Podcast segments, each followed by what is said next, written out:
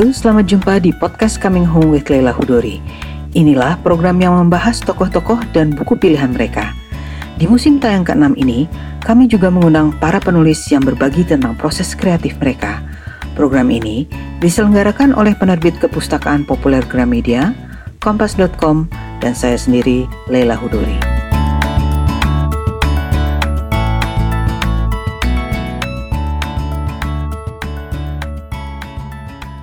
Aku hampir menyerah ketika mataku tertumbuk pada segugus biru dekat pintu.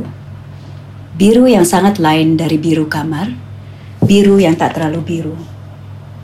Biru yang sedikit hijau, sedikit putih, sedikit indigo. Biru yang berdiri sendiri. Biru yang bukan bapakku dan bukan juga ibuku yang kerap berdiri bisu di ambang pintu menyaksikan kejatuhanku malam demi malam tanpa melakukan apa-apa. Kupancangkan tatapanku pada biru itu dan lama-lama aku tak lagi merasakan sakit, merasakan pengorbanan, atau apa pun namanya ini, yang kurelakan untuk memuaskan bapakku dan membebaskan ibuku. Jika surga itu ada, aku yakin itulah warnanya, dan aku ingin ke sana. Ya, kau salah bapak. Kaulah darahku. Akulah yang mencintaimu akulah tumbalmu. Sekarang aku akan mati demi menanggung azabmu.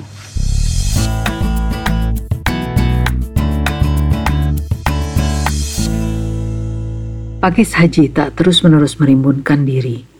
Sesekali anak-anak daunnya yang tersusun berpasangan betina dan jantan tumbuh sekejap dalam satu malam. Esok paginya, mereka ada begitu saja laksana sihir. Orang buru telah hidup dengan keajaiban ini selama berabad-abad. Kisah muka burung dari Kitab Kawin Laksmi Pamuncak. Kali ini Laksmi Pamuncak bercerita tentang sebelas perempuan dengan berbagai persoalan, kepedihan, kebahagiaan, kegagalan, sekaligus pencapaian mereka.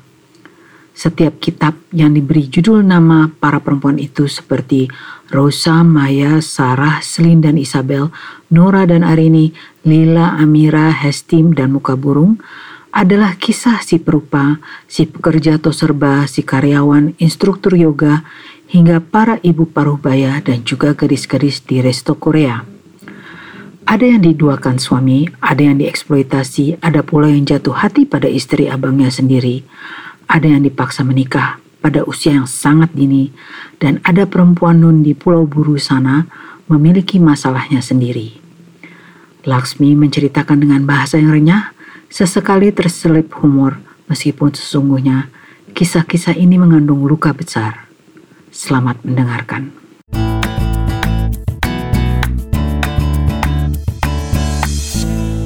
Hai Laksmi, apa kabar? Hai Lei, apa kabar? Baik. ya gitu deh.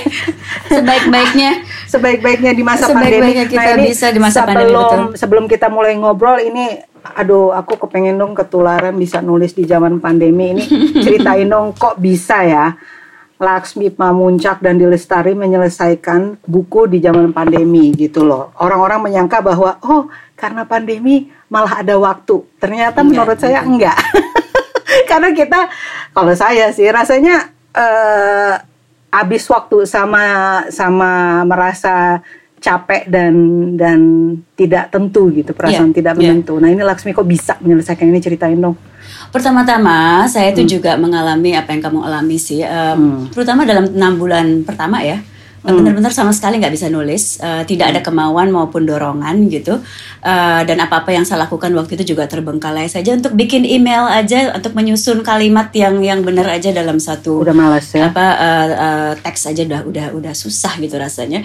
Tapi soal kitab kawin ini sebenarnya proses penulisannya udah udah rada lama sih, lama. Um, semenjak sebelum pandemi. Jadi dua tiga cerita pertama saya saya nggak begitu inget yang mana aja. Malah Mhm. udah mulai saya garap tuh akhir tahun 2017 di Brussels. Oke. Waktu saya Oke. sedang residensi sebulan di sana. Waktu itu saya tuh baru aja mengirim Fall Baby draft pertama ya ke terbit Jerman saya dan saya baru meninggalkan Berlin setelah tiga tahun off and on di sana. Nah saya tuh takut hidup saya kosong. Uh, kamu pasti tahu perasaan ini ya. Jadi kalau sudah hidup dalam satu semesta fiksi gitu sudah begitu lama gitu, tiba-tiba kita kayak nggak punya apa-apa jadi saya uh, merasa harus langsung menjeburkan diri ke proyek tulisan lain gitu. Ha, kalau nggak ya, saya bisa down banget. Jadi hmm. jadi gitu. Jadi hmm. jadi karena start di situlah ini kemudian nyambung terus atau berhenti berhenti gitu sampai ke 2020 2020 20. tersendat-sendat sih karena ya itu abis dari Brussels saya balik ke Indonesia dan di Indonesia saya masih harus uh, merampungkan um, proses penyuntingan for ya? baby, kemudian penerjemahan uh, ke kasih musim gugur juga dan juga ada proyek-proyek hmm. lain uh, pekerjaan hmm. lah gitu. Hmm. Jadi hmm. tersendat-sendat, uh, tapi hmm. tiga cerpen terakhir saya selesaikan mungkin enam bulan terakhir 2020. Hmm. Oh, itu gitu. hebat itu. Hebat itu. Ingat gak yang mana? Oh, Asrama Korea, Asrama Korea sudah oh, pasti. Oh, Asrama, Asrama Korea. Korea dan mungkin okay. Celine dan Isabel. Ah, dan Penjara oh. Esmeralda. Kok bisa sampai lupa? Iya, itu tiga. Waduh, itu paling Yang kebetulan yang kebetulan di apa uh, diletakkan di akhir ini ya, di akhir, ya, di akhir ya. kumpulan cerita, di akhir bukunya itu uh, eh, okay. itu tidak ada kesengajaan uh, berdasarkan kronologi yeah. ya hanya kebetulan aja gitu. Hmm. Oke, okay, uh, ini untuk uh, mereka yang belum membaca atau belum memiliki kitab kawin ini terdiri dari 11 kumpulan cerita tentang perempuan dan setiap babnya itu oleh Laksmi disebut kitab ya kitab nomor satu, kitab nomor dua, kitab nomor tiga Kemudian nama-namanya itu nama perempuan. Kemudian ada subjudulnya. Misalnya uh, Rosa, kitab satu Rosa, kemudian ada subjudulnya Rosa dan empat lelaki. Lalu mm. nih saya saya ngambil nih yang seru-seru nih. Eh ini kitab nomor 8 Sofia pembunuhan pukul 8 malam. Nah, pertama kenapa uh, harus uh, kitab kawin? Uh, ada beberapa penjat pembaca yang juga bertanya demikian gitu kenapa kitab kenapa bukan buku hmm. gitu ya hmm. kedua uh, why do you need to put a subtitle di uh, setelah nama perempuan itu oke okay. pertama-tama hmm. kitab kawin ya uh, judulnya hmm. itu itu upaya saya untuk bandel-bandelan sebenarnya apa kitab kawin gitu kan kayaknya uh, apa ya provokatif gitu. Dan saya hmm. juga suka aliterasinya ya K dan K gitu, snappy. Yeah, uh, betul, uh, betul. Apa namanya Uh, kesannya. Kemudian kata. saya memang ingin mengawinkan kata kitab dan kata kawin itu karena dua kata atau konsep itu kan kontrasnya sangat sangat besar ya. Uh, ini ini semacam pembelasetan atas konsep buku nikah nih buku nikah sebagai pembuktian hukum adanya perkawinan ya secara simbolis. Sementara kitab kan kesannya tuh berat gitu, serius, sakral, yeah. kitab suci gitu hmm. misalnya, yeah. atau sesuatu yeah. yang tua gitu. Sementara kata hmm. kawin uh, dan ini memang uh, sesuatu yang sangat menarik tentang bahasa Indonesia. Kata kawin itu punya makna uh, hmm. ganda kan dalam bahasa Indonesia. Hmm. Nah, dalam hmm. KBBI dalam Kamus Besar Bahasa Indonesia ada sejumlah definisi kawin. Hmm. Itu hmm. bisa membentuk keluarga dengan lawan jenis, beristri atau bersuami, bisa cuma melakukan hubungan intim jadi hmm. the act itself gitu dan hmm. atau hmm. menjalani ritus atau upacara perkawinan nah kalau orang bilang ya sudah kawin kalau dalam bahasa Indonesia kan belum tentu maksudnya menikah ya sudah menikah hmm. bisa saja maksudnya sudah melakukan hubungan intim dengan seseorang. Yeah. Nah saya hmm. ingin bermain dengan kemungkinan adanya kitab-kitab atau bacaan-bacaan lah katakanlah yang lebih elastis gitu tentang hubungan-hubungan manusia yang menyangkut laku kawin dalam tanda kutip ini hmm. uh, baik hubungan cinta pernikahan maupun hubungan yang melibatkan apa ya persetubuhan. Hmm ya nggak harus atau dasar suka sama suka ya, mm-hmm. tapi bisa juga dilakukan secara sepihak atau atau secara paksa seperti dalam kasus pemerkosaan. Yeah. Gitu. Dan juga karena banyak juga um, apa kasus-kasus pemerkosaan dalam perkawinan mm. misalnya. Itu itu satu. Mm. Uh, kemudian uh, kenapa ada subjudul? Um, ya saya mungkin hanya ingin menajamkan aja um, hmm. ide cerita ini di apa namanya di um, bayangan hmm. sang pembaca sebelum hmm. dia memasuki apa hmm. uh, cerita ini itu hmm. aja sih sebenarnya. Hmm.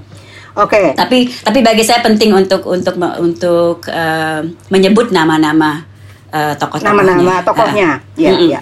Oke. Okay. Nah, ini uh, saya mau masuk ke pertanyaan berikut ya. Tapi yeah. sebelum uh, saya bertanya, saya mau sedikit membacakan eh, apa kalimat pertama dari cerpen pertamanya ya, yang membuat saya kemudian bertanya eh, tentang soal bahasa yang eh, Laksmi yeah. pilih ya. Oke. Okay. Uh, Rosa dan empat lelaki. Breaking news. Mm -hmm. Untuk pertama kali dalam hidupku, aku tidur dengan tiga lelaki. oke okay? terus kemudian seterusnya gitu ya dan ada uh, banyak sekali uh, diksi ya diksi yang uh, Laksmi gunakan yang uh, tidak mungkin saya temui di Amba misalnya atau di okay. musim gugur gitu ya dan saya tahu betul ini kelihatan sekali Laksmi sengaja gitu ya misalnya mm-hmm. ampiun atau a lot of a lot of young uh, yeah. young people's young people's uh, language gitu ya uh, ini secara sengaja uh, ingin menggunakan apa bahasa urban anak Jakarta uh, necessarily because of tokohnya uh, atau kenapa nih? Apa apa uh, why why is it so different? Tetapi ada dua cerpen yang uh, kembali saya menemukan Laksmi yang saya kenal di dalam tulisan-tulisannya mm -hmm. yaitu Muka Burung dan ada satu lagi saya lupa yang mana. Tapi yang jelas Muka Burung itu udah jelas. Azulmaya mungkin ya. Mungkin ya. Azulmaya. Iya iya iya betul betul betul betul betul. Mm -hmm. Itu sedih sekali. Uh, oh itu sedih banget. Nangis aku baca itu. Ya Azulmaya dan uh, muka burung itu dua uh, cerpen yang uh, aku merasa itu sidik jarinya Laksmi gitu that's her gitu tapi yang lainnya uh, kayaknya purposely kepengen beda gitu kepingin uh, mempunyai satu touch uh, yang menunjukkan ini orang-orang urban gitu uh, can you explain to me why you you choose this mm -hmm. language ini sebenarnya pertanyaan menarik ya, uh, very well hmm. observed by the way.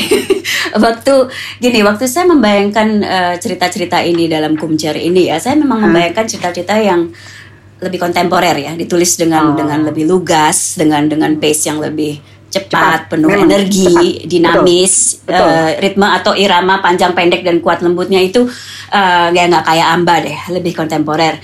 Dan hmm. juga saya membayangkan tone atau nada yang yang sekali-sekali bisa bisa humoris gitu loh sedikit yeah. bahkan sedikit ironis uh, dan bagi saya mud lebih mudah melakukannya dengan pacing dan ritme yang lebih bertenaga gitu mm. Uh, mm. dan salah satu hal yang paling penting juga dalam menuliskan uh, cerita-cerita ini kan kebanyakan cerita-cerita ini kan very depressing ya uh, sebetul yeah, dark gitu dark dark yeah. dan sad gitu mm. sangat sedih gitu dan saya butuh untuk menuliskan cerita-cerita ini tuh dengan tidak sentimental Ah. Di beberapa cerita bahkan bahkan saya bikin sedikit nyeleneh, sedikit menertawakan hmm. diri sendiri begitu karena hmm. dan karena dalam cerpen itu kita nggak seperti di dalam novel kita nggak punya kemewahan untuk berlama-lama gitu kan menceritakan uh, satu pikiran atau satu gagasan atau satu cerita dan ceritanya harus padat tapi bernas ya jadi hmm. itu mungkin um, um, inspirasi yang saya juga dapatkan ketika menulis Aruna dan lidahnya mengenai hmm. apalagi kalau hmm. settingnya lebih urban contemporary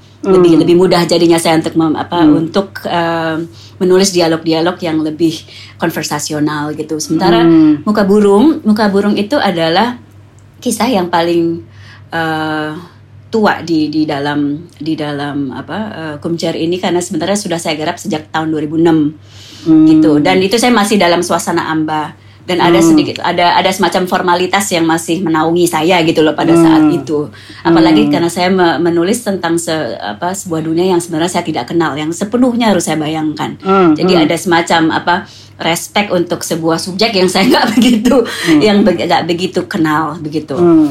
uh, ya Oke, okay, -hmm. karena udah me menyebut muka burung, ini -hmm. adalah cerita nomor 6, kitab nomor 6 yang berjudul Muka Burung. Untuk mereka yang belum membaca, ini sebuah cerpen yang mengambil setting di Pulau Burung, ya. -hmm. Dan uh, ini ada dedikasinya untuk Pak Amarzan Lubis. Nah, ini menarik nih.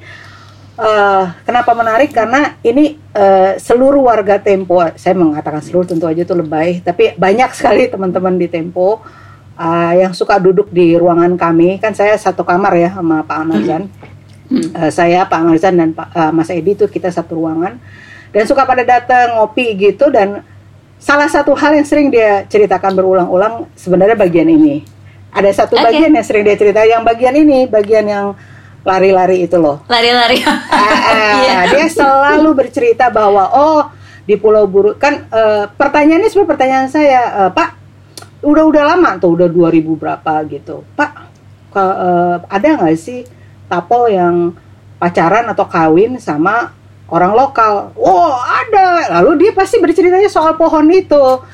Kelil apa ah, ah, kejar-kejaran iya, dulu di pohon. Mengitari nah, pohon gitu, itu, ya. Mengitari ya. pohon gitu. Itu dia cerita dan dia dia seri, dan dia akan ulang kepada mereka yang bertanya, hal yang sama gitu. Kalaupun nggak ditanya pasti dia akan ceritakan itu gitu ya. Jadi uh, tapi kan bisa membayangkan ya Pak Marsan kalau bercerita pasti kan dengan lucu, dengan yeah, yeah, yeah. self-deprecating. Dia, dia pengisah yang ulung juga ya. Dia, ya, aduh, ulung, biasa. dia pengisah yang ulung dan kedua dia tidak ingin bersedih-sedih seperti tadi uh, Laksmi bilang, nggak mau sentimental juga dia. Dia kan nggak mau hmm. mengutuk masa-masa itu, ya kan. Betul, Meskipun itu betul. pahit, dia dia tidak kelihatan tidak mau mengutuk gitu. Jadi kan tapol ini beda-beda kan ekspresinya. Nah. Hmm.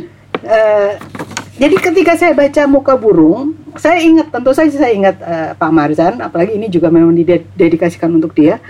Tapi yang menarik, Laksmi menceritakannya dengan sedih sekali loh. Ini ini ini selain dark, it was crazy crazy dark dan juga sedih. Saya baca sedih meskipun whatever your intention is, saya sedih hmm. banget, terutama endingnya ya.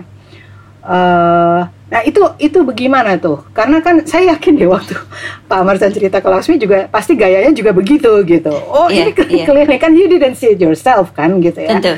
Nah tapi dari sesuatu yang hilarious dia ceritakan hilarious kemudian dituangkan ke dalam cerita yang uh, begitu gelap menurut saya.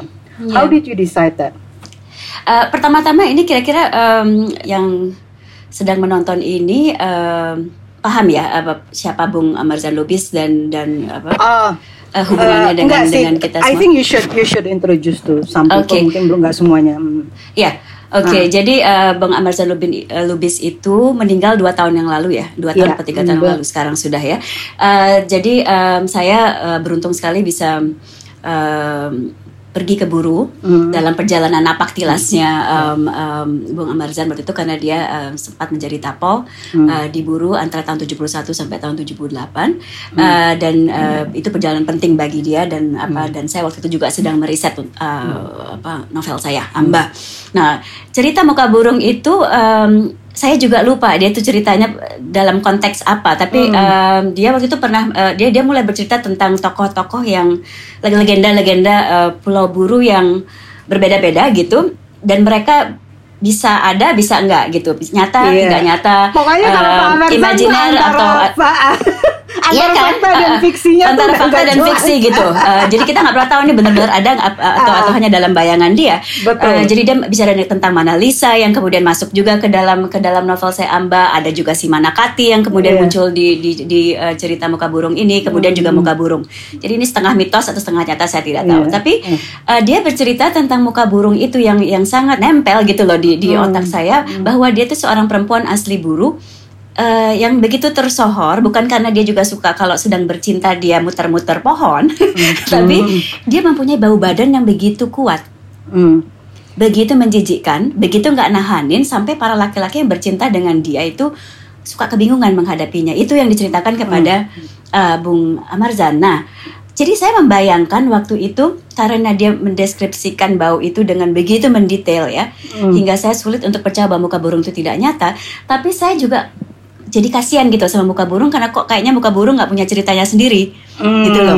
Jadi saya berusaha me, apa men mencari dunia interiornya atau menciptakan dunia interior yeah. untuk untuk untuk muka, muka burung. burung ini betul dan uh, dan mem, dan membuat sebuah cinta, uh, cerita cinta yang bisa mengharukan gitu loh, hmm. yang yang bermakna hmm. buat dia dan hmm. juga mungkin bermakna bagi si Tapol, si Tapol apa namanya yang saya sebut Sentanu di sini, yeah. yang meskipun dia mungkin betul merasa jijik atau atau tidak tahan sama baunya muka burung itu ada sesuatu tentang muka burung mungkin tentang ketulusan muka burung ya hmm. dalam mencintai sentanu yeah. atau atau yeah. menginginkan sentanu yang yang tidak bisa di, dikomunikasikan lewat bahasa karena mereka saling tidak apa mereka tidak paham uh, bahasa satu sama lain ya tapi ada uh, sebuah koneksi yang melampaui bahasa gitu jadinya hmm. sementara hmm. juga muka burung um, um, jatuh hati pada Sentanu dia juga nggak hmm. tahu kenapa dan saya juga hmm. nggak hmm. mau masuk ke dalam psikenya hmm. ya kan karena saya tidak bisa membayangkannya juga tetapi hmm.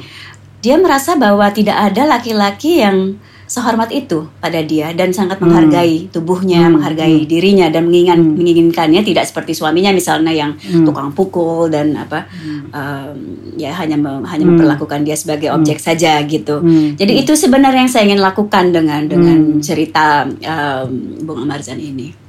Hmm. Dan betapa ironisnya saya nggak mau spoiler untuk mereka yang belum yeah. membaca betapa yeah. ironisnya nasib nasib Sentano setelah Betul. ketahuan suaminya Mm-mm. nasib Sentanu seperti apa dan nasib muka burung. Eh, iya kan, Iya, gitu justru iya. justru eh, hukuman terbesar eh, dialami oleh eh, sang istri Perempuan. gitu kira-kira, Iya, iya, Mm-mm, iya, iya. oleh perempuan.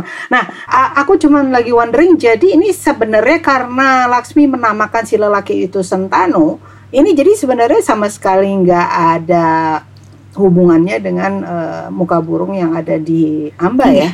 Tidak. Tidak.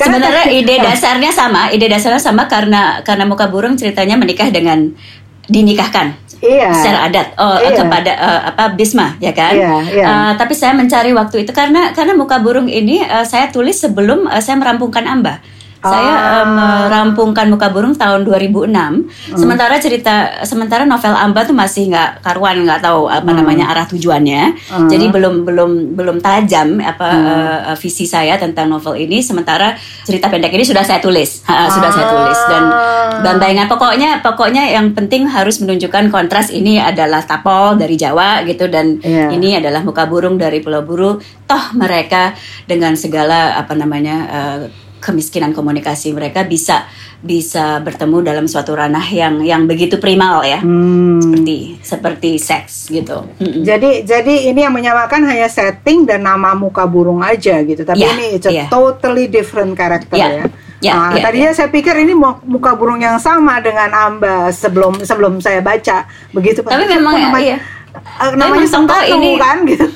Iya, tokoh ini memang menghantui saya ben- banget banget karena Ah. ya em, Bung AM, Bung AMZ seperti kita Ah. memanggil Ya, beliau AMZ. itu tuh em, sangat mendetail membicarakan apa Hmm. Selalu, em, selalu. membicarakan muka burung ini em, atribut-atribut fisiknya. Mm-mm. Hmm. Oke, kita masuk ke cerita yang lain ya. Kitab nomor 4 eh, Selin dan Isabel istri abangku ya. Oh, ya. Eh, Ini juga seru ceritanya. Eh, ada sosok Isabel yang unik, free spirited tapi eh, manipulatif ya dia ya. Eh, di mata Selin dia tuh manipulatif karena there will be time dia kelihatannya cinta, dan nanti another time dia kayaknya you know enggak gitu ya dan kemudian ternyata eh, at the end dia kemudian ya bukannya mengkhianati ya tetapi ya dia memutuskan untuk kawin gitu. Nah ini eh, bisa nggak nih cerita? Ini kan ini sed- sedikit ada elemen LGBT-nya ya. Eh, Bisa nggak menceritakan ini prosesnya nih? Oke, nah ini sekarang saya ingat ini adalah cerita salah satu cerita terakhir yang saya tulis ya. Jadi sudah dalam masa pandemi. Inspirasinya sebenarnya eh, berasal dari ketertarikan saya pada eh, dinamika eh, hubungan abang laki-laki dan adik perempuan yang dekat sekali. Begitu dekatnya dan begitu sayangnya dengan satu sama lain sampai mereka sudah seperti pasangan ideal gitu bagi satu sama lain. Nah, apa yang terjadi ketika salah satu dari mereka si abang kayak atau si adik jatuh cinta mati-matian pada orang lain Orang, Tuh, hmm. dan ingin menikahi orang lain. Seberapa cemburu dan sakit hatinya yang uh, pihak yang satunya lagi nih si abang atau adik karena merasa ditinggalkan atau merasa digantikan orang lain. Itu itu um, salah satu apa ya pembetiknya. Kemudian waktu saya sedang merenungi tema ini uh, gimana ya cara cara mengembangkannya, dan saya teringat zaman saya SMP dan SMA di asrama di Singapura dulu di United World College. United, eh, Uh, saya sering sekali didekati oleh teman-teman seasrama yang gay hmm. atau punya kecenderungan suka sesama perempuan. Ya. Set- Setidaknya ada tiga dari mereka yang saya ingat namanya. Dan ingat ingat baik itu gerak geriknya Um, sebab mereka sangat intens ya dalam dalam pendekatan mereka. Uh, malu-malu tapi ada intensitas gitu yang bisa saya rasakan. Dan malah salah satu dari mereka sangat maskulin gitu lebih lebih maskulin ketimbang banyak laki-laki di sekolah itu. Saya tuh ingat sekali bagaimana mereka memandang saya waktu itu. Begitu dalam gitu loh kayak sampai eh, hampir kayak menembus eh, mata gitu. Saya nggak akan pernah lupa. Nah eh, itu backgroundnya. Terus setelah itu saya mikir-mikir oh gimana kalau saya buat cerpen bertema LGBTQ, tapi eh, yang rada lebih kompleks dan kemudian juga memadukan em, ketertarikan saya terhadap apa terhadap dinamika adik kakak ini. Jadi saya eh, menciptakan ini Selin dan Alex, si abang kebetulan ganteng ajubilah setan, terus si adik gay eh, dan sudah selama terobsesi sama Isabel si si apa cewek cetar ini populer dari zaman SMP, terus mereka berteman dekat, terus kadang-kadang suka nyerempet nyerempet dan menurut menurutmu kan manipulatif ya si Isabel hmm. saya juga um, anggap begitu dan hmm. memang maksud saya begitu untuk menunjukkan hmm. bahwa dia tuh apa ya hot cold iya enggak yeah. nggak bisa dibaca hmm. gitu kan hmm. uh, sama manipulatif dengan apa namanya perasaan si Celine ini hmm. dan nggak nggak mungkin bahwa dia tidak tahu bahwa si Celine itu uh, naksir dia menyukai dia naksir hmm. dia um, hmm. Uh, seperti itu gitu ya. Hmm. Um, nah setelah Celine dan Isabel nggak lama ber, uh, sudah lama nggak bertemu, hmm. terus tiba-tiba Alex pacaran sama si Isabel, hmm. terus malah hmm. ingin nikah sama Isabel gitu. Hmm. Nah jadi uh, saya waktu itu ingin me menyelami seorang Celine ini, hmm. seberapa kaget dan sakit hatinya dia. Uh, bagaimana hubungan dia selanjutnya dengan abangnya, uh, dan dengan Abel ini yang dia yang dia taksir sudah bertahun-tahun. Hmm. Terus sebagaimana uh, sejauh mana kemarahan itu memengaruhi perasaannya sebagai ya, seorang double minority ya, bukan saja hmm. bukan saja sebagai apa sebagai gay, tapi juga sebagai orang yang dalam bayangannya sendiri nggak cakep, nggak menonjol, hmm. ya nggak um, dipedulikan bahkan dipandang hmm. mata, hmm. eh sebelah mata oleh banyak orang gitu. Itu hmm. itu bayangan dia tentang dirinya sendiri. Hmm. Hmm. Uh, nah, apakah ini akan membuat dia merasa makin kurang atau makin marah terhadap dirinya sendiri, atau malah makin kokoh gitu dalam hmm. identitasnya? Nah, selebihnya saya nggak akan cerita ya. Um, mudah-mudahan. Tapi yeah. ya begitulah sedikit latar belakangnya sih. Kompleks sih. Um, Tapi ya seperti kamu tahu kan apa sebuah cerita itu idenya dari mana-mana. Hmm, ya, yeah, sure, sure. Mm Uh, nah, uh, ini si yang yang tadi kita udah sebut ya, uh, Azul Maya ya. Uh, Maya ini ini perih banget nih ini cerita ini uh, beberapa kawan yang membicarakan yang kita membahas nih waktu itu rame-rame kebanyakan pada seneng sama kita nomor 11 yang asrama Korea. Asrama Korea. Uh, uh, uh, I do like the topic. I, I bukan I like the topic. Maksudnya topiknya penting sekali uh, tentang pernikahan uh, dini ya, perni pernikahan paksa anak-anak lah gitu ya. Uh, tapi saya ini juga merasa ini yang Azul Maya ini uh, salah satu yang uh, selalu terjadi di hmm. banyak pelosok Indonesia dan selalu ditutupi gitu. Yeah. Ya. Uh, kalau pernikahan dini ini juga satu hal yang sekarang ini lagi dibuat kampanye dengan banyak uh, gerakan-gerakan gitu ya, yeah. uh, apa yeah. anti dan bahkan sudah berhasil undang-undang undang-undang perkawinan kan sekarang sudah dinaikin usianya ya. Betul. Ya, ke 19. Ah, jadi hmm. jadi ah, ke 19 jadi ya alhamdulillah itu uh, apa sudah diperhatikan gitu ya meskipun tetap aja masih banyak pelanggaran. Tapi yang soal kayak kitab nomor dua nih Maya ini yang justru jauh lebih pelik dan tidak diperhatikan gitu ya. Mm-hmm. kalaupun misalnya sampai ketahuan ya udah masuk koran ditangkap gitu ya. Tapi kan it you know it happens several years biasanya. Uh, ya kan? Uh, mm. sexual abuse terhadap uh, seorang anak gitu oleh Betul. orang terdekat di keluarganya gitu. Nah mm. ini ini kan uh, satu hal yang extremely sensitif dan saya nggak tahu bagaimana Laksmi bisa uh, mendapatkan idenya mungkin bisa dari mana aja tapi masuk ke psikinya dia gitu, ke psikinya si korban uh, sebagai orang yang betul-betul uh, sulit untuk uh, mengemukakan, menyampaikan apa yang terjadi sama dia.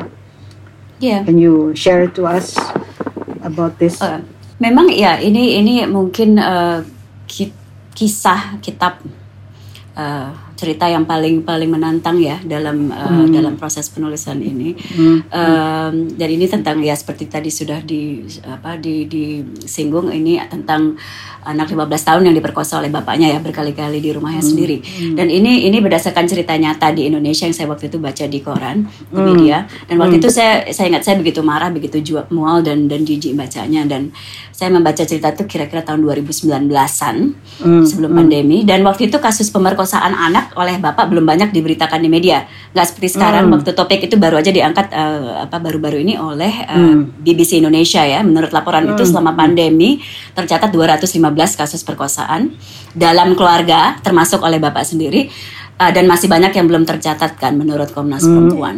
Nah, hmm. tapi waktu itu balik lagi ya ke 2019 waktu saya baca cerita itu uh, saya ingin menulis sesuatu tentang subjek itu buat kitab kawin. Uh, hmm. Karena bagi saya ini jelas termasuk cerita seputar perkawinan juga ya. Bagaimana seorang ayah mencabuli buah perkawinannya sendiri dengan ibu anak Hmm. itu.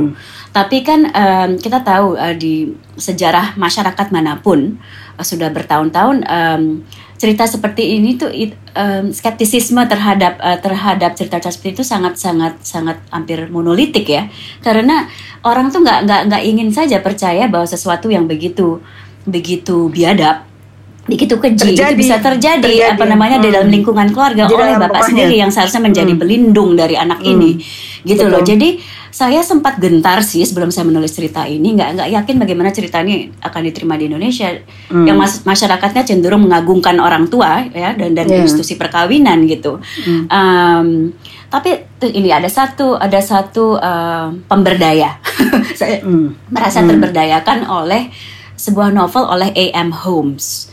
Nah, A.M. Hmm. Holmes ini salah satu novelis favorit saya ya. Hmm. Eh, dan novelnya itu judulnya The End of Alice. Udah udah pernah baca belum? Hmm. Eh, anyway, ceritanya tentang Hmm. hubungan seorang pedofil, pembunuh ya. Hmm. Dan dia membunuh korban kesayangannya ini si Alice yang masih di bawah umur. Nah, bayangkan udah udah em, mencabuli anak terus dibunuh pula ya ini udah udah udah tingkat kebiadaban yang sudah nggak Hmm. bisa kita bayangkan gitu Hmm. tapi novel ini eh, luar biasa brutal eh, menusuk gitu dan bahasa dan deskripsinya tentang kejadian apa eh, tentang kekejaman si pembunuh ini sakit jiwanya si pemerkosa ini begitu menyeramkan kita sampai merasa begitu sakit gitu ya eh, tertusuk-tusuk Hmm. juga gitu membacanya Hmm. dan sempat kontroversial di Amerika ada yang menganggapnya be- bejat bahkan topiknya Hmm. pun bejat dan eh, dan oleh karenanya jangan-jangan si penulisnya juga bejat gitu mana ada eh, Hmm. seorang perempuan bisa menulis tentang subjek itu dia pun pasti bejat Hmm. tapi em, tapi dia somehow bisa masuk ini A.M. Holmes ini ke dalam psike sang anak Hmm. yang entah bagaimana seperti banyak orang yang yang disakiti dan disiksa berkali-kali Hmm. pada suatu saat malah menjadi mencintai penyiksanya Oh. gitu atau setengah mencintai penyiksanya dan kadang malah menantang untuk disiksa lebih gila lagi apalagi karena si anak ini baru mulai puber ya Hmm. dia mulai penasaran juga tentang tubuh dan seksualitasnya dan dia ingin menggali juga seberapa jauh dia dan tubuhnya sanggup menerima siksaan sampai seberapa jauh siksaan itu masih menjadi bagian dari kenikmatannya gitu tapi tentu saja pada satu titik unsur-unsur kenikmatan itu berubah atau keingintahuan itu berubah jadi rasa sakit luar biasa dan tidak tertanggungkan. Nah, eh, saya kemudian karena oh ya karena saya waktu itu sedang menulis em, Fall Baby juga Hmm. menulis kekasih musim gugur ketika saya sedang menulis Azul Maya ini. Jadi saya masih masuk masih masih apa eh, masih terserap dalam dunia em, dunianya Siri. Hmm. Ini tokoh Hmm. utamanya apa Fall Baby. em, Fall Baby. Dan dia ini kan seorang apa seorang Perupa. pelukis, Hmm. seorang perupa. Eh, dan dia sangat apa namanya sangat em, apa ya ter ter eh, ikat oleh warna Hmm. gitu. Jadi dia melihat dunia itu dan orang-orangnya itu em, dalam apa namanya dalam eh, warna. Warna. gitu. Jadi makanya saya terus eh, kepikiran em, apa yang kira-kira ada dalam pikiran Maya ketika dia sedang diperkosa. Nah, jadi tiba-tiba dia melihat warna biru ini di dinding kamarnya Hmm. gitu. Eh, saya melihatnya seolah saya Maya Hmm. yang yang harus memfokuskan pandangan atau pikirannya ke, ke sesuatu yang lain gitu, Hmm. ke subjek atau objek di ruangan eh, atau ke sebuah memori yang menyenangkan supaya dia bisa supaya bisa membantu dia menanggungkan sakit yang luar biasa ini Hmm. gitu, yang Hmm. selama tubuhnya terus didera ini dia dia bisa fokus ke hal-hal lain. Nah, saya barangkan biru itu bisa sedikit melipur gitu loh. Hmm. Le. Eh, bisa sedikit men- me- me- meneduhkan Hmm. dan kemudian biru itu jadi jadi obsesi saya. Nah, terus em, baru di akhir penulisan karena waktu itu saya belum punya Hmm. judul ya untuk untuk em, eh, cerpen Hmm. ini, saya menemukan warna khusus namanya azul maya. Hmm. Nah, itu itu pigmen biru cerah eh, yang unik yang diproduksi oleh apa oleh suku, Suku Maya dan suku Aztec eh, Hmm. pada masa pra-Kolombia. Jadi ini paslah untuk jadi judul. Hmm. Uh, waktu itu saya pikir karena kebetulan nama tokoh utamanya Maya. juga Maya. Nah, jadi itu yang saya ya, itu yang membuat saya beranilah untuk me- untuk menggarap em, topik yang tidak tidak tidak mudah ini ya. Hmm. Saya pernah eh, membaca salah satu cerpennya Alice Munro. Ya, Eh, oke. Yang, juga- yang mana ya? Waduh, terus terang saya lupa judulnya karena dia banyak sekali bukunya dia buku dia tuh saya hampir semuanya lengkap jadi saya nggak tahu ada di kumpulan yang mana tapi itu salah satu yang melekat di uh, di otak saya nanti saya cari lagi deh nanti saya kasih tahu judulnya uh, kayaknya sih di kayaknya di kumpulan uh, live ya kayaknya ya. Tapi nanti saya oh, saya cek lagi ya. Pokoknya itu uh, di dimulainya justru dengan uh, bapaknya bunuh diri. Dan bunuh dirinya uh, dia berdiri di depan rel kereta api. Gitu. Okay. Nah kemudian apa ada flashback uh, menjelaskan kepada pembaca one of the reasons why dia bunuh diri. Dan di, diceritakannya flashbacknya itu dari mata anaknya gitu dan hmm. anaknya bercerita dia baru baru realize bahwa setiap kali kalau dia membuka dia ganti baju dan anaknya waktu itu dari kecil dari umur 7 8 sampai dia remaja gitu kalau dia sedang uh, ganti baju bapaknya masuk gitu bapaknya ngeliatin gitu hmm, nah hmm. at the beginning I I didn't really understand ini arahnya mau ke mana gitu si Alice yeah. Munro ini gitu ya I didn't really understand dan dia sama sekali tidak membuat deskripsi bahwa bapaknya kemudian memperkosa gitu melakukan ah, ah, ah, yeah, okay. cuman cuman dia cuma cuma memberi deskripsi bapaknya ngeliatin so I was like oke okay, terus apa gitu loh. And then yeah, yeah. lama kelamaan kemudian ada di uh, kalimat anaknya karena dia yang jadi penceritanya bahwa setelah dia mulai sedikit mulai besar mulai payudaranya mulai tumbuh apa bapaknya dari ngeliatin terus masuk ke kamarnya. Ke kamar I see. Sehingga okay. it it that you we as as readers have to uh, conclude ourselves that what happened ngerti ya yeah, dan yeah. dan setelah itu kemudian uh, bapaknya apa menidurkan diri atau berdiri atau gimana pokoknya dia bunuh diri lah gitu it's, yeah. so obvious karena tetangga tetangganya mengatakan bahwa dia melihat kok si bapaknya itu justru sengaja jalan menuju hmm. uh, itu apa rel kereta api nah itu salah satu um, uh, saya diskusi ini sama Ren saya bilang itu itu artinya bapaknya memperkosa kan? Gitu like I had to ask her gitu. Ya iyalah yeah. bunda.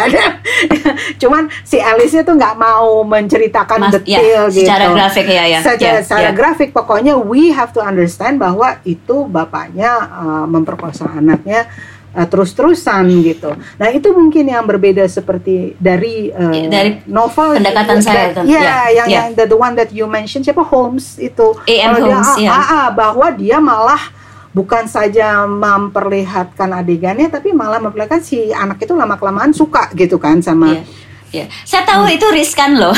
Bukannya saya nggak tahu itu riskan sekali.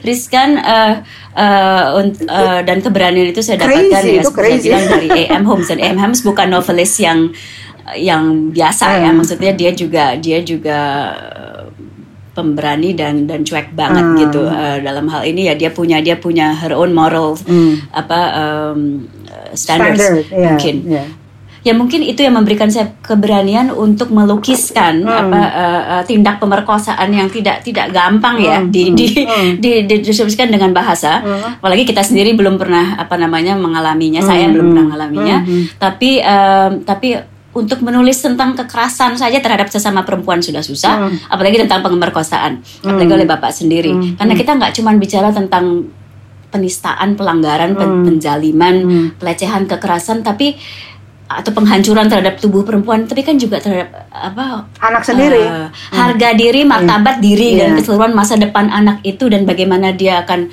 bisa berinteraksi dengan dengan dengan dengan masyarakat dan apa menerima dirinya sendiri hmm. uh, dan apa dan hubungannya dengan orang tuanya apa itu udah pengerusakan dan perampasan yang yang sudah berlapis-lapis ya. Hmm. Uh, jadi dan ini skenario ter, terburuk dalam kehidupan yang bisa saya bayangkan gitu. Betul. Tapi ya entah bagaimana saya memilih untuk melukiskannya seperti ini. No no no, it's yeah, it, it it's important to write about this gitu. Dan dan it, menurut saya it's, it's very well written uh, yang si Azul Maya ini nih ya. Dan sangat apa ya Yeah, itu a long time for me uh, untuk apa ya untuk recover. Jadi setelah membaca yang itu saya stop dulu gitu loh. Nggak bisa langsung wah jebret jebret jebret gitu. Nggak bisa saya stop dulu karena it's a very difficult subject. Sebenarnya kan rata-rata ini difficult subject ya. Cuma Iya. khusus untuk yang Azumaya ini kan mungkin karena kita punya anak perempuan ya Tentu. kan. Yes, yes. Jadi Iya, iya. you know itu membuat kita jadi saya stop dulu dan mikir dan uh, I didn't know it was 200 di dalam uh, apa laporan tapi saya yakin banyak gitu ya. Iya, iya. Banyak sekali uh, jika masih begitu banyak perkawinan uh, anak-anak di bawah umur umur 13 14 itu masih dikawinin uh, apal eh, saya juga yakin ada masih banyak yang memperkosa anaknya sendiri itu ya, lebih dari 200 gitu ya dalam setahun. Nah, ini bicara kan eh, tadi eh, Laksmi mengatakan bahwa you didn't experience this gitu ya. Tapi kan kita sebagai penulis kadang-kadang me- menyebarkan di sana sini gitu ya. Uh, not necessarily in one story or satu tubuh uh, tokoh, tapi Ya, kita hmm. menyebarkan dikit-dikit di mana-mana. Iya. Ah, ini saya mau masuk ke kitab nomor 5 nih yang sebenarnya sangat enjoyable karena it's not really depressing, it's a little bit funny, it's hilarious actually ya. Kitab nomor 5 Nora dan Arini tidur dengan seniman besar. it's Okay. funny, it's funny oh, actually. I, I, I enjoyed writing that. I can imagine. Jadi waktu saya baca itu saya senyum lebar gitu ya. Shireen juga waktu baca, "Mhm," gitu ya. Oke, you can answer or you can answer diplomatically. It's up to you. Tapi um, how far, how far you feel that this is there? There's some experience or not, uh, or or or imagination in this story. Ketawa. Aduh, lucu sekali. Oke, Um, oke, let's say cerita ini uh, adalah buah observasi bertahun-tahun ya atas skenario skenario hubungan cinta timpang deh antara laki-laki yang udah beristri dan perempuan-perempuan muda Hmm. yang umumnya masih single ya. Hmm. Si si laki-laki umumnya lebih tua. Emang talking about the type here, right? Hmm. Lebih tua, lebih berpengalaman, sudah beris, sudah beranak istri, terkenal, punya pengaruh, biasa disanjung-sanjung gitu. Hmm. Dan perempuan-perempuan ini membangunkan gairah seksualnya dan apa justru ketika dia merasa semakin tua dan memang sudah menjadi semakin tua dan dia merasa wah ternyata saya itu masih jantan, masih keren, masih diinginkan, eh, malah digila-gilai cewek-cewek muda dan dia merasa bukan saja menjadi pecinta yang yang berpengalaman tapi juga jadi guru, jadi Hmm. mentor, jadi Mentor. panutan gitu. Perlu, Ha. perlu saya tam- tambahkan sedikit, ini si seniman besar ini adalah seorang perupa ya di dalam Mm-mm. eh, perupa dan si Nora dan Arini yang muda-muda cantik ini adalah perupa yang muda lah, kira-kira gitu Betul. ya. Hmm. Yes. Why Dan ini did saya you choose- bicara why did you umum. choose seni rupa? Why, why ini saya rupa? so- why not kan seni saya- musik? musik misalnya atau teater atau Alah, kamu kayaknya lagi senang seni rupa ya? Enggak, seni rupa emang saya dari dulu emang em, sudah sudah sudah I, apa, I know. berminat ya I, kalau ter- uh, seni rupa no, I saya know saya your minatmu, aku tahu lah. tapi I tapi know. bahwa saya bahwa saya sudah baru write mulai it. secara aktif menggarap apa eh, eh, tema ini ya di dalam di dalam em, karya-karya saya memang sih ini lagi tahun seni apa lagi tahun-tahun seni rupa nih Tapi yang Diary of RS juga itu eh, se- eh Ya, Diary itu of dari RS tahun apa? 2006, Ah, ya, itu seni betul. Rupa Betul, juga. betul, Ah, ah, bet- iya betul. kan, selalu Tapi- rupa. Ha, tapi skenario yang seperti ini kan bisa terjadi di mana saja. Kita lihat di di dunia bisnis, di dunia pendidikan, uni- universitas, dan bagaimana semua banyak sekali perempuan muda yang berbakat yang juga sudah sukses, belum merasa pede tentang bakat dan dan dan pencapaian mereka kalau belum dapat validasi gitu loh dari Hmm. laki-laki tersohor di bidangnya Hmm, oke. ya Eh, dan saya berhubung apa berhubung saya taunya cuma dunia kesenimanan ya itulah yang saya soroti gitu loh Oke. dan eh, seperti biasa dalam kumcer ini saya nggak begitu nggak begitu peduli tentang perspektif laki-lakinya jadi saya mau menyelami psike perempuan-perempuan ini. Bagaimana Oke. mereka tuh masih memaknai hubungan mereka dengan si laki-laki hebat ini? Padahal dia udah begitu mati. eh, begitu dia mati gitu. Itu Ah. lebih itu itu itu menohok sekali simbolis banget. Bukan saja Ah. dia mereka sudah sudah establish sekarang mereka juga nggak per- perlu validasi dia lagi. Mereka sudah udah udah punya identitas sendiri. Tapi seberapa jauh itu apa namanya hubungan itu pada suatu masa memengaruhi apa namanya eh, kepercayaan diri mereka Hmm. saya again tidak mau tidak mau kasih spoiler tapi salah satu dari mereka eh, paling tidak Hmm, hmm, hmm, hmm. itu em, masih masih masih masih em, masih kuat jejak si laki-laki itu di dalam Hmm. dirinya Hmm, ya kan oke. misalnya gitu Hmm. Oke. Jadi ini ini dan ini ini cerita banyak perempuan juga ya, bukan Iya, cuma ya. bapak. Hmm. Hmm. Oke, ini eh, saya waktu pas baca namanya, kamu kasih nama, eh, memberi Nurah. nama kepada seniman besarnya ini Asikin, saya jadi kasih nama si Asikin teman kita. gitu. Oh iya. Saya sempat kepikiran sih, aduh ini asikin juga di di dunia seni rupa nanti janjian. Iya, Orang pada Gue pikir, aduh pikir Asikin ini kasihan tentang. Mas Asikin aku kepikiran, kan sempat kepikiran juga sih. Iya. Hmm. Oke. Nah enggak, tapi ini ini eh, ketika membaca ini, terus my next question is, were you a little bit worried that people will think, wow, this is eh, A dan B. Jadi gini, kan pembaca tuh suka cocologi ya. Meskipun Betul. kita memasukkan berbagai imajinasi gitu ya. Eh, saya cuma kasih, kasih contoh sedikit banyak sekali ketika orang membaca laut bercerita terus orang langsung oke laut adalah Nezar. Eh, Bram itu adalah Bram itu adalah Budiman Sujatmiko sang penyair adalah Wijituko pokoknya orang cocologi gitu ya. Dan they don't really care bahwa di situ ada imajinasi ada apa. Were you worried a little bit about that? Bahwa orang akan melakukan cocologi di dalam eh, cerpen nomor 5 ini Nora dan Arini?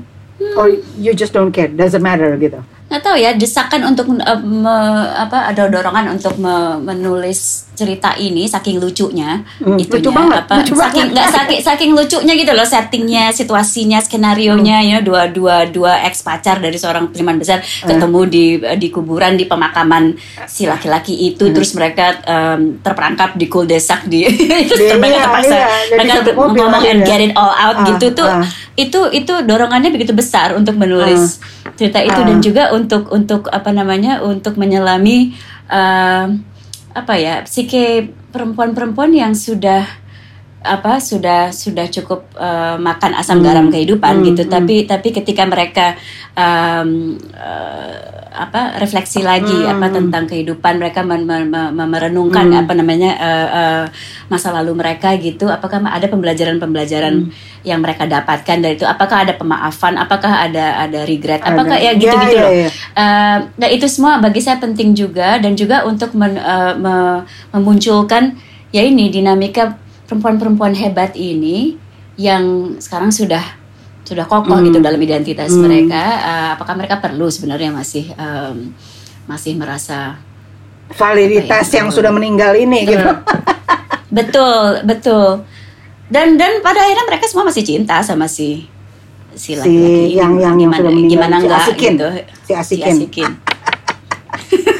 Aku tuh benar-benar begitu itu langsung visual, visual di kuburan di apa tanahku siapa dan membayangkan itu di dalam mobil. Oh, di karet. really- oh di karet Di ya. karet. Ya pokoknya I was really visualizing gitu. Lucu banget. Ini salah satu yang menghibur karena yang lainnya kan semua depressing dan Iya, gelap iya. ya. Jadi Ah, ah. I'm so glad you you wrote this gitu sehingga membuat uh, sedikit apa ya relief gitu loh ada ada jedanya.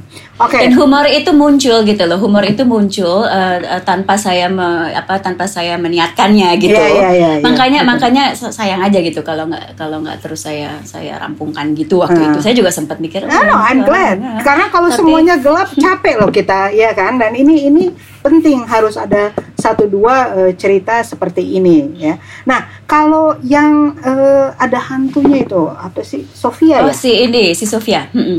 That was really, Wah, itu really juga, itu- scary. itu. Why? Oh, why? Itu How? itu ada sejarah itu sejarahnya panjang sebenarnya. Ada ya? Sofia. Ada. Oh ya oh ya oh ya.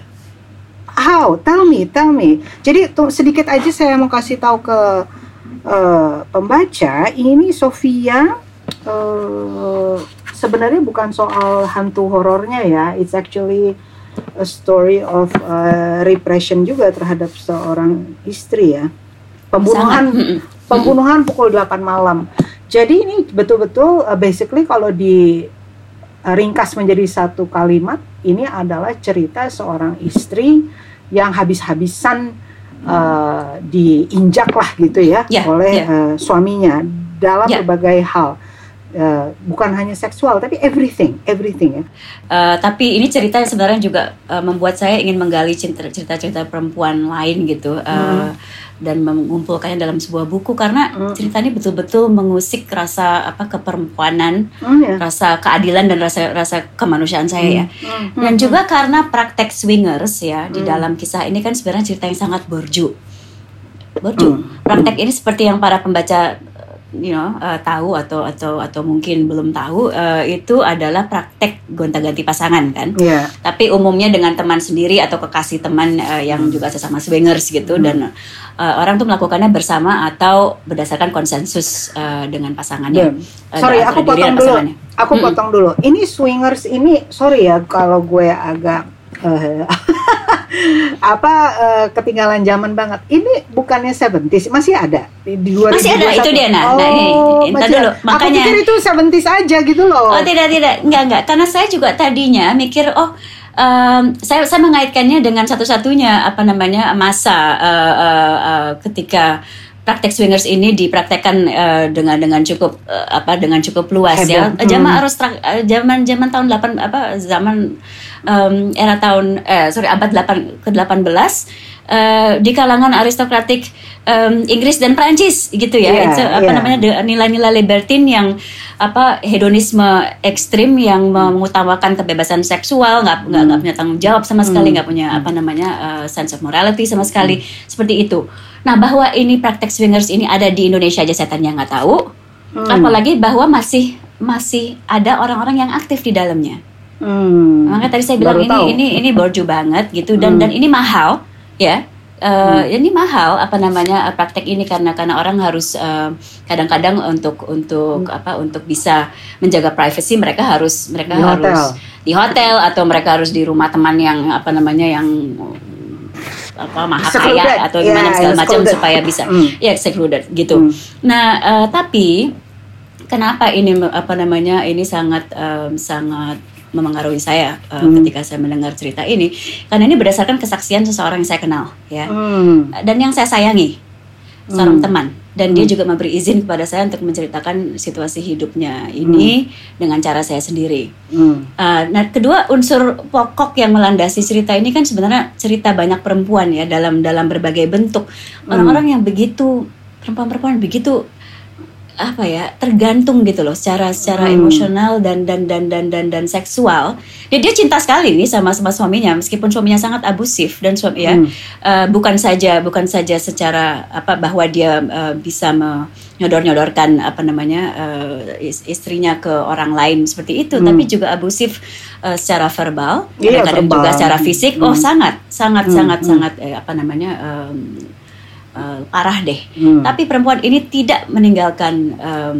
um, suaminya. suaminya, tetap mencintai, tetap tergantung. 25 tahun sudah menikah dengan dua anak. Begitu loh. Uh, jadi jadi saya I don't sorry sorry I really don't get it. Jadi uh, kalau mereka udah punya anak uh, da, uh, dan kalau melakukan all this things itu tidak di rumahnya jadi artinya mereka akan pergi ke satu iya, tempat atau gitu. ketika anaknya sedang sedang ke rumah apa namanya uh, uh, kakek neneknya gitu hmm. terus nanti mereka akan apa mereka akan organize sesuatu di di di dalam apartemen mereka And anyway so jadi um, ini um, dimulai ketika saya diminta oleh apa uh, sebuah jurnal sosiopolitik di Jerman hmm. untuk menulis uh, seputar tema Rausch. Rausch itu uh, dalam bahasa Indonesia mungkin seperti desakan, desakan yang tidak terbendung gitu. Itu bisa bisa didapat dari dari narkoba, misalnya kita hmm. harus harus harus uh, um, dapat drug saat ini juga hmm. atau harus seks saat itu juga hmm. gitu. Dan saya diminta untuk menulis sesuatu seputar seks. Tapi hmm. harus ada angle sosiologisnya, angle sosiopolitikalnya yang apa namanya bisa me, apa me, memberi semacam pencerahan uh, tentang masyarakat uh, yang sedang saya saya apa um, soroti itu gitu. Hmm. Jadi saya mikir apa ya kira-kira kalau seks kalau seks gitu aja sih hmm. orang-orang yang gila seks itu kan ya banyak tapi juga sudah hmm. banyak diceritakan. Hmm. Nah kebetulan jadi saya ingat cerita teman saya ini hmm. um, bahwa dia di dibawa sama suaminya ke dunia ini hmm. pelan-pelan tadinya terus apa namanya di di um, menjadi sebuah rutinitas antara mereka hmm. karena ya seperti banyak orang orang tuh nggak berani untuk untuk jelas-jelas bilang kita udah bosen nih dalam hmm. dalam dalam hubungan ini gimana tapi mereka mencari sebuah bentuk apa namanya bentuk escape yang hmm. bisa diterima oleh kedua belah pihak karena itu hmm. tidak dianggap perselingkuhan gitu kan hmm, kalau yeah. mereka swingers gitu akan yeah. ada konsensus antara kedua pasangan jadi ya teman saya ini ikut aja terus lama-lama hmm. dia lama-lama uh, meskipun tadi dia ada risih gitu tapi hmm. um, karena ini memberi kebahagiaan yang luar biasa terhadap uh, suaminya jadi dia dia juga juga membiasakan diri akhirnya kemudian hmm. dia beli lingerie yang beda-beda setiap hari hmm. atau setiap apa um, pokoknya dia nggak pernah pakai lingerie yang sama gitu loh apa uh, supaya supaya suaminya selalu terbetik gairahnya supaya suaminya nggak bosan jadi apa pun yang dia lakukan itu demi kebahagiaan Suami. dan kuasa suaminya jelas sekali jelas sekali hmm. dan dan dia tidak merasa dirinya sebagai korban dia tidak sadar bahwa dirinya hmm. apa um, ditindas yeah. nah, itu yang itu yang yang menyakitkan bagi saya tapi juga sedikit mengharukan ya gimana ya kalau memang dia tidak merasa dirinya korban tuh gimana gitu memang dia dia uh, ya gitu jadi saya uh, minta izin dia waktu itu hmm. saya masih di Berlin waktu itu saya hmm. boleh nggak saya cerita mengenai apa cerita hmm. kamu ini hmm. uh, untuk um, jurnal ini hmm. gitu tentu saja nama kamu akan disamarkan gitu identitas kamu akan disamarkan segala macam dia bilang oke okay, uh, sure hmm. gitu jadi uh, abis itu saya um, saya jual um, versi bahasa Inggrisnya, versi orisinalnya hmm. uh, ke The Guardian, terus di dipublish di The Guardian hmm. juga di tahun 2017 kalau nggak salah hmm. gitu. Uh, jadi sebagai judul apa sebagai cerita tentang the swinger scene di hmm. Jakarta ketika itu. Hmm. Um, tapi ya itu saya um, selalu tergelitik untuk menulisnya menulis cerita ini, menulis ulang cerita ini untuk untuk kitab kawin. Tapi ya saya harus mencari uh, elemen-elemen yang yang ya itu lagi um, yang berbeda lah, yang apa namanya, hmm. yang sedikit entertaining gitu, makanya si hantu, hmm. makanya ada si pembunuhan yeah. itu segala macam gitu. Oh Dan, ya itu kan bingkai aja ya, yang hantu yeah, itu kan betul. bingkai bahwa oke okay, let me tell you a story gitu ya. Tapi yang yang yang saya uh, sedih gitu ya, ya kan Etienne kalau dimulainya dengan hantu kita tahu jelas lah berarti dia mati. Nggak, uh, first of all yang ingin saya tanya ini uh, tentunya masih hidup orang yang sebetulnya yang menjadi hmm. yang menjadi source yeah. of the story masih hidup dan masih masih menikah dengan suami tersebut gitu. Nah, uh, to my relief uh, mereka sudah pisah baru saja. Oh. Tapi ini oh, setelah wow 20 tahun lebih ya. Wow. Dan uh, dan ini juga ada triggernya. Jadi um, pada suatu saat beberapa tahun yang lalu nih, dia baru uh, menyadari bahwa um, suaminya itu punya istri siri. Hmm. Nah, dia sangat merasa dipermalukan di situ, hmm. ya. Hmm. Hmm. Uh, dan pada saat yang bersamaan dalam praktek swingersnya itu, yang tadinya um, skenario itu selalu banyak laki-laki, dia satu-satunya perempuan dan dia harus ya, dia dia dilayani lah oleh hmm. laki-laki hmm. karena um, karena itu membuat si suami entah bagaimana yeah, jadi makin yeah. makin bergairah dan dan dan itu juga dijadikan sebagai semacam senjata bagi bagi bagi teman saya ini karena dia merasa wah kalau suami saya jadi makin bernafsu sama saya saya punya power gitu hmm. jadi untuk beberapa saat dia dia oke okay dengan senario itu sampai pada saat yang dia baru uh, tahu bahwa suaminya itu punya istri siri uh, senarnya jadi berubah. Suaminya menginginkan lebih banyak perempuan. Hmm. Jadi dia yang dilayani, suaminya yang dilayani oleh perempuan-perempuan ini dan uh, dan teman saya tidak tahan. Hmm. Teman saya bilang kalau saya yang di yang yang dilayani oleh oleh banyak laki-laki, hmm. uh, sayanya masih bisa terima karena itu masih memberikan sesuatu bagi saya kekuatan atau gimana. Hmm. Tapi untuk melihat suami yang saya cintai ini, saya mengabdi kepada dia di layani sebab perempuan-perempuan lain saya nggak tahan. Nah, hmm. um, tapi lepas dari itu ya saya melihat bahwa kesadarannya bahwa dia itu orang yang ditindas itu mulai menajam gitu hmm. loh pada saat hmm. itu dan bahwa apa pun ya justifikasi praktek swingers itu apakah untuk hmm. mengembalikan gairah kedua belah pihak deh hmm. uh, dalam rutinitas perkawinan atau mau bandel-bandelan dengan cara yang enggak mengkhianati perkawinan atau melanggar norma-norma masyarakat hmm. gitu seperti cerai atau selingkuh hmm. Hmm. Uh, premisnya tetap saja riskan belum kita bicara penyakit penyakit. Terus dan, Ini dan, dan ada pada COVID akhirnya ya, selalu ada pihak dan selalu kan? dan selalu ada pihak yang dirugikan kan Iya, dan, dan, iya. ya, dan apalagi kalau salah satu pihak tuh keji dan egois seperti Iya. kasus teman saya dan suaminya itu suaminya itu Iya. verbally abusive sekali terhadap dia Iya. dia bisa bisa memaki-maki teman saya itu babi anjing bangsat kayak gitu-gitu terus saya bilang kok saya tidak kalau kalau saya tidak akan mungkin Eh, apa eh, memperbolehkan siapa pun Hmm. melakukan itu terhadap saya hmm, sepersepuluhnya seperseratusnya saya tidak terima hmm. gitu ya jadi Hmm. eh, ya itu apa namanya em, backgroundnya Hmm. Oke, nah ini sekarang saya mau sedikit to a lighter note ya, uh, uh, something more optimistic. It's your story, uh, kitab nomor 3 Sarah dan nomor 9 Esmi ya. Ya. Maksud saya lebih optimistik meskipun tetap aja buk, uh, menggantung ya, tapi maksud saya tuh nggak gelap. And then there is an element of optimistic di Hmm. mana tokoh-tokohnya udah bisa ngambil uh, apa sikap gitu loh ending ya tuh saya sukanya itu bahwa mereka udah oke kok pokoknya aku udah merasa seperti ini gitu loh aku senengnya di situ terhadap si Sarah yang eh, yang apa sih akhirnya gitu ya eh, kalau ngelihat dari subjudulnya aja selingkuh untuk mencintai lebih baik ya dan Ya. juga kalau yang nomor sembilan konklusinya kayak udah dikasih di, di Iya, judulnya ah, ah, ah, ah. And then yang nomor 9 eh, si penjara Esmeralda.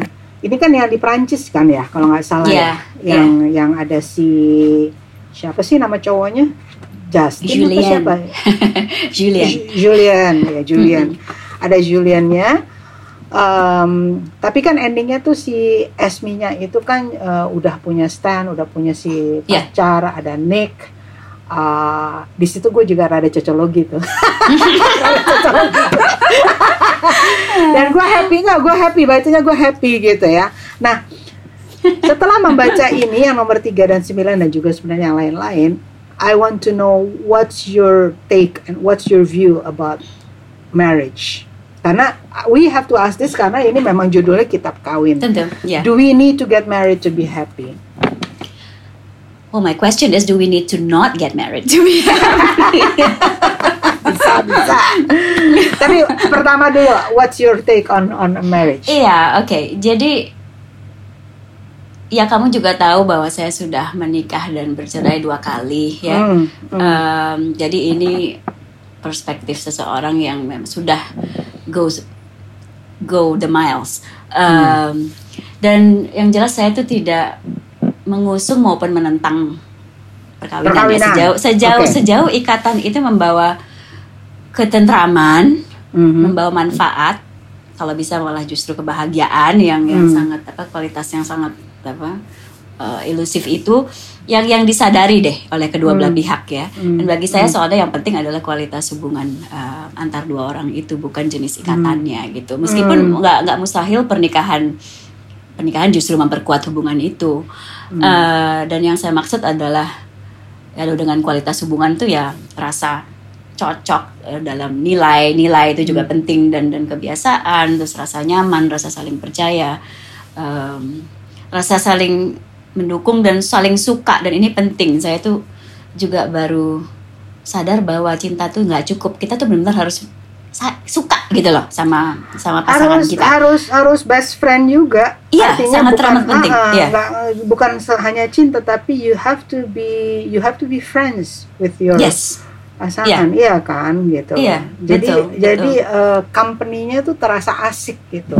Jadi betul. jangan sampai ini company company sama partner sama company dengan kawan terus kita lebih senang sama kawan gitu kan. Iya, Jangan ya, kayak itu itu Ah. itu em, ternyata penting sekali dan saya juga Iya. baru baru eh, jauh lebih menyadarinya sekarang gitu ya Hmm. dan percakapan juga juga kalau bisa apa terus dipupuk gitu jangan Hmm. sampai jangan sampai kita udah males ngomong sama satu sama lain itu itu nggak nggak nggak lucu Hmm. karena kalau kita udah mulai nggak berkomunikasi sama sama satu lain tuh artinya kita udah saling nggak peduli lagi gitu loh sama sama Hmm. itu itu itu penting tapi kalau misalnya ada satu advice against perkawinan Hmm. bukan perkawinannya per se, tapi kapannya adalah kalau bisa jangan nikah terlalu cepat.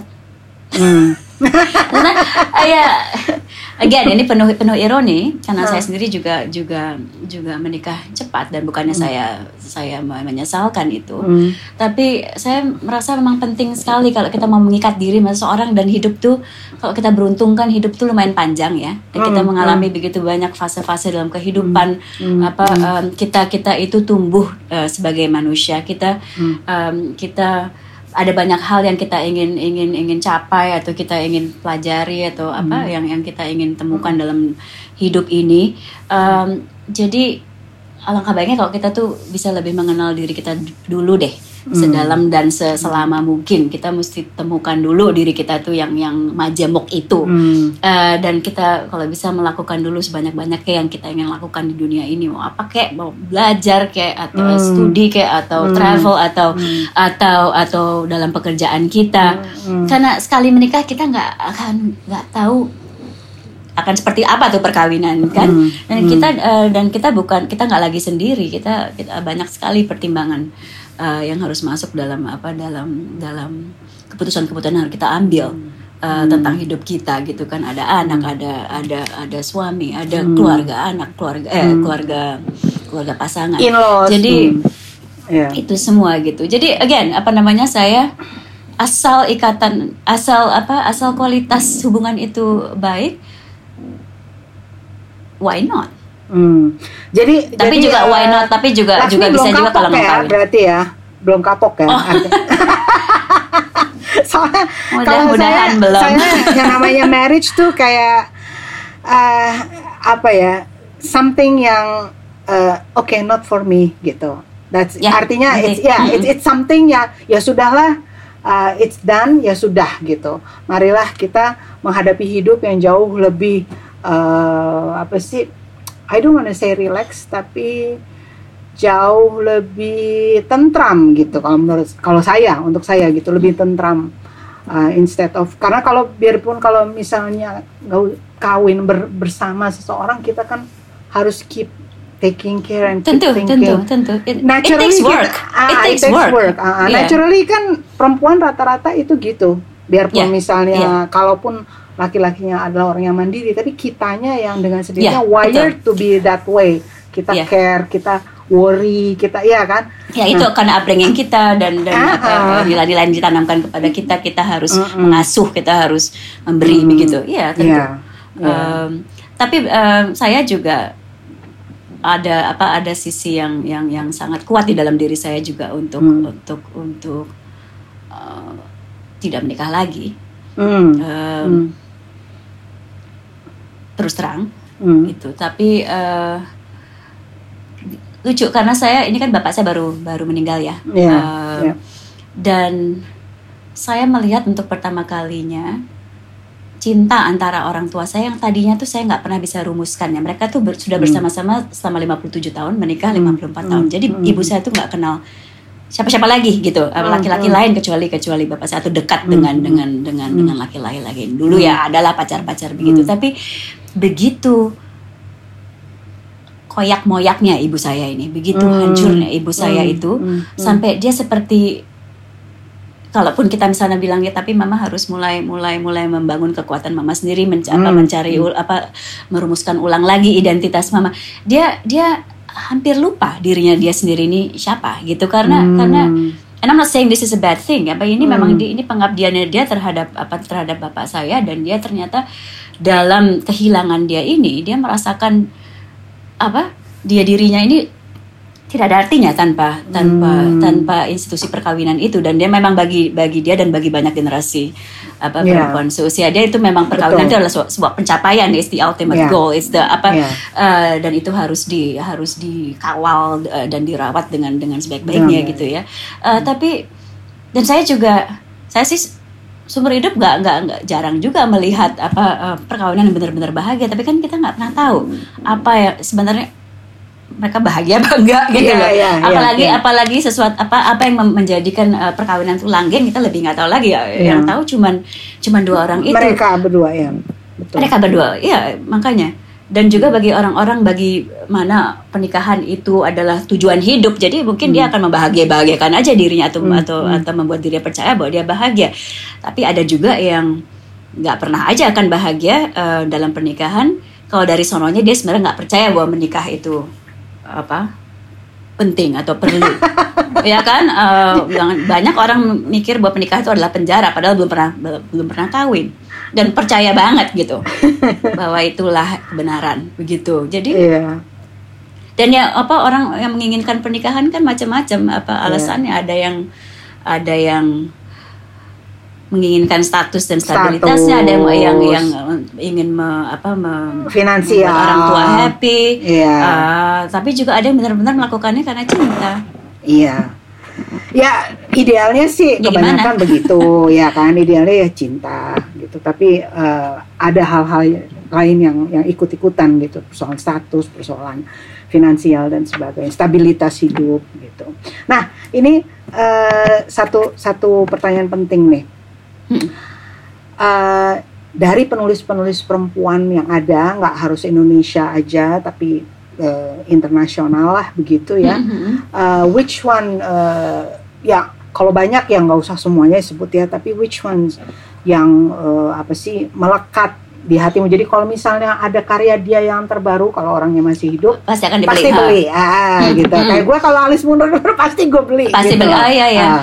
Uh, saya fokus sama penulis cerpen aja kali ya biar lebih ah, apa biar namanya, nyambung hmm. biar nyambung dan juga hmm. biar nggak kebanyakan hmm. uh, Lori Moore Lydia hmm. Davis hmm. Gina oh, Berio Lydia Davis saya, saya apa cinta banget hmm. uh, Gina Berio dia nggak terlalu hmm. terkenal uh, hmm. dia dari San Francisco gitu tapi hmm. dia selalu menulis tentang um, tentang apa masalah-masalah perempuan. Hmm. Deborah Eisenberg juga. Hmm. Uh, Dave, Lydia Davis itu terutama cerpen-cerpennya yang super pendek ya. Ya, yang kadang cuma satu halaman, dua halaman ya, gitu. Betul. Tapi karena itu, karena mm. kesukaannya Rain juga saya tadinya nggak gitu belum belum belum pernah baca tapi udah tahu namanya belum baca tapi Rain lengkap itu Lydia Davis. Hmm. Karena bisa ya. begitu sederhana, begitu elegan, uh, tapi menohok gitu dalam kearifannya. Ya. Nah, hmm. uh, kalau yang kontemporer, hmm uh, yang lebih muda gitu, hmm. generasi hmm. muda, uh, saya suka sekali saya suka Chimamanda Ngozi Adichie, hmm. uh, terutama hmm. dalam The Thing Around Your Neck, terus hmm. Jumpa Lahiri dalam Interpreter of Melodies. Itu pokoknya hmm. itu dua kumcer tuh saya bisa bisa baca dari awal sampai habis berkali-kali hmm. deh. Hmm. Terus hmm. kumcer-kumcernya Sadie Smith juga bagus-bagus, banyak yang hmm. bagus, tapi hmm. saya lebih suka dia sebagai essays dan hmm. novelist ya. Hmm. Hmm. Uh, terus hmm. yang baru-baru ini saya keranjingan banget, Otessa Moshfegh hmm. uh, terutama Homesick for Another World. Hmm. lucu, renyah, witty hmm. gitu, hmm. Um, secara psikologis dalam gitu, hmm. prosanya hmm. bagus dan hmm. struktur hmm. dan plotnya tuh semuanya pas dan nggak hmm. nggak sok pintar gitu loh karena banyak hmm. sekali ya um, apa generasi jebolan MFA, eh nggak boleh ngomong jebolan nih, MFA apa Master of apa uh, Fiction um, creative, creative writing. writing gitu, hmm. Uh, hmm. itu kan banyak yang merasa kalau nulis harus snappy, harus brilliant, hmm. harus apa hmm. self reflexive segala hmm. macam, tapi kadang-kadang terlalu sadar diri gitu loh bahwa mereka hmm. brilian gitu. Hmm. Apa ini ini benar-benar yang menulis tentang perempuan seperti apa adanya hmm. perempuan-perempuan yang patah yang kalah yang yang yang hmm. yang struggling apa segala macam yang menjadi hmm. tua hmm. yang hmm. apa ditinggal suami yang ditinggal anak ya segala macam tapi hmm. um, mereka tuh bisa memperluas dan me, uh, apa me, menyarikan masalah-masalah mereka dengan baik.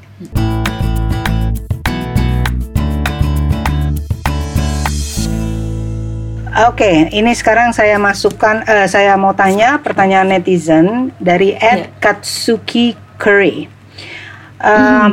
Apakah ada kisah uh, cerita yang ditulis oleh Mbak Laksmi yang uh, tidak kuat nulisnya? Nggak kuat maksudnya? Hmm. Ada. Um, hmm. Yaitu tadi kita sudah bahas Azul Maya. Azul Maya, oke. Okay. Sulit sekali, hmm. sulit hmm. sekali. Uh, dan pembunuhan jam 8 malam itu. Ya. Sulit. Ya. Itu agak gila sih itu emang. Karena apa? Karena situasinya sudah begitu keji ya, ya seperti ya, kamu keji. apa namanya? Uh, boleh nggak sih kita saya. bilang bukannya boleh apa nggak? Tapi uh, kayaknya sakit ya itu suaminya. Oh sakit. Sakit dong. Sakit sakit saya sudah Karena bilang sama teman dia, saya dia sakit. Dia Ah, karena dia enjoy melihat uh, kalau dalam adegan swinger itu dia enjoy kalau uh, melihat istrinya diperkosa gitu loh. Iya, iya iya. kan? Iya, Dan iya, that's sakit, ya. sakit gitu loh. Ya udah. I just want to make sure karena saya, saya, saya kan nggak gitu ngerti gitu loh dunia itu. Oke, ini pertanyaan berikut. At adi underscore DNA. Bagaimana perkembangan dunia sastra yang ditulis oleh para perempuan Indonesia lima tahun terakhir menurut Mbak Laksmi? Saya rasa sudah makin makin apa pro- makin oke ya. Hmm, Eh, variatif menurut dari saya makin dari variatif. kreatif dari dari segi dari segi bentuk dari segi tema Hmm. eh, dari segi keberanian untuk apa menggarap em, ya tema-tema sulit gitu dan Hmm, juga hmm. dari ya dan keberanian mengung, apa, eh, mengungkapkan hal-hal yang sulit Hmm, gitu apa eh, dan dari bahasanya juga saya rasa Hmm. apa saya rasa ada ada kemajuan pesat gitu Hmm. kemarin ini saya saya baca eh, kumpulan ceritanya Sasti Gotama saya suka Eh, Hmm. eh, beberapa dari dari dari apa eh, cerpen-cerpennya dia saya pikir eh, sangat promising ya. Halo, saya Lela Hudori, host dari podcast Coming Home with Lela Hudori. Penerbit Kepustakaan Populer Gramedia mempunyai beberapa rekomendasi buku. Pertama, bukunya berjudul Mempertimbangkan Warisan Arif Budiman. Sesuai judulnya, buku kecil ini berisi kenangan sejumlah kawan tentang Arif Budiman, seorang cendekiawan aktivis yang dihormati dan dicintai berbagai kalangan, dari aktivis dan peneliti muda hingga rekan-rekan seangkatannya. Kumpulan tulisan ini tak hanya berisi puja-puji, tetapi juga ada sejumlah kritik yang dilontarkan terhadap pemikiran Arif Budiman termasuk bermacam paradoks yang melekat dalam pribadinya sebagai manusia, makhluk seni, man of literature, dan sebagai ilmuwan. Penulisnya antara lain Daniel Dakide, Ignaz Kleden, Fedi Hadis Gunawan Muhammad, Fahri Ali, Lutfi Asyokani, Made Supriyatma, Saiful Mujani. Tebal 128 halaman, soft cover, buku ini bisa diperoleh di toko buku Gramedia dan toko online official. Rekomendasi kedua adalah Membunuh Komendatore yang merupakan terjemahan karya Haruki Murakami yang terbaru berjudul asli Killing Commendatore. Novel setebal 510 halaman ini dimulai dengan kisah seorang pelukis yang ditinggalkan istrinya. Dalam keadaan jiwa yang berkecamuk, dia memutuskan berhenti melukis dan kemudian berkelana.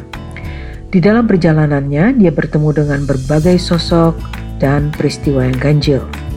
Novel ini diterjemahkan ke dalam bahasa Indonesia oleh Rebecca Ota, tebal 510 halaman, soft cover, dan bisa diperoleh di toko buku Gramedia dan toko online official pada akhir bulan Mei tahun ini.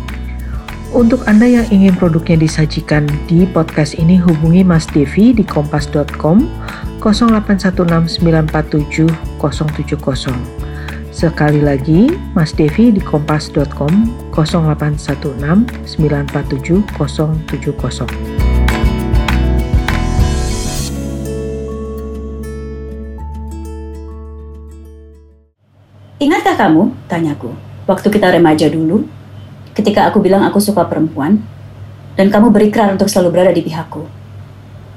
Pernah terpikirkah olehmu bahwa kau akan kawin dengan perempuan, terjalang di dunia?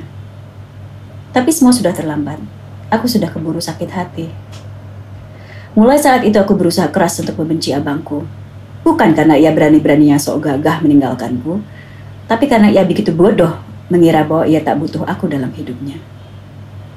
Begitulah, setelah doa-doa dipanjatkan, serah-serahan beralih pihak, wali berjabat tangan. Aku cepat-cepat menjauh dari kerumunan. Aku tak sekalipun menatapmu, meski aku tahu kau beberapa kali mencoba menarik perhatianku. Kau yang kemilau, kau yang menyuburkan racun dan rahasia dalam tubuhmu. Kau yang merenggut abangku dariku setelah kau lumat hatiku selama bertahun-tahun. Oke deh. Tapi dari ini semua boleh nggak sih kita bertanya eh, dari 11 itu yang paling kamu enjoy nulisnya? Yaitu Nora dan Arini tidur dengan sumur besar. Aduh lucunya. Nulisnya sambil ketawa-ketawa ya. Sama ketawa-ketawa. Hihihi gitu. Oke deh Lex, makasih banget ya. Oke. Thank you so Terima kasih ya Le udah much. baca, Bye. udah udah giving your time for this book. Oh, my pleasure, my pleasure. Oke ya, bye bye. Makasih ya. Bye. Terima kasih sudah mampir mendengarkan diskusi podcast kami. Jangan lupa tekan subscribe atau follow di mana pun kamu mendengarkan acara ini. Program ini juga didukung oleh Femina Media.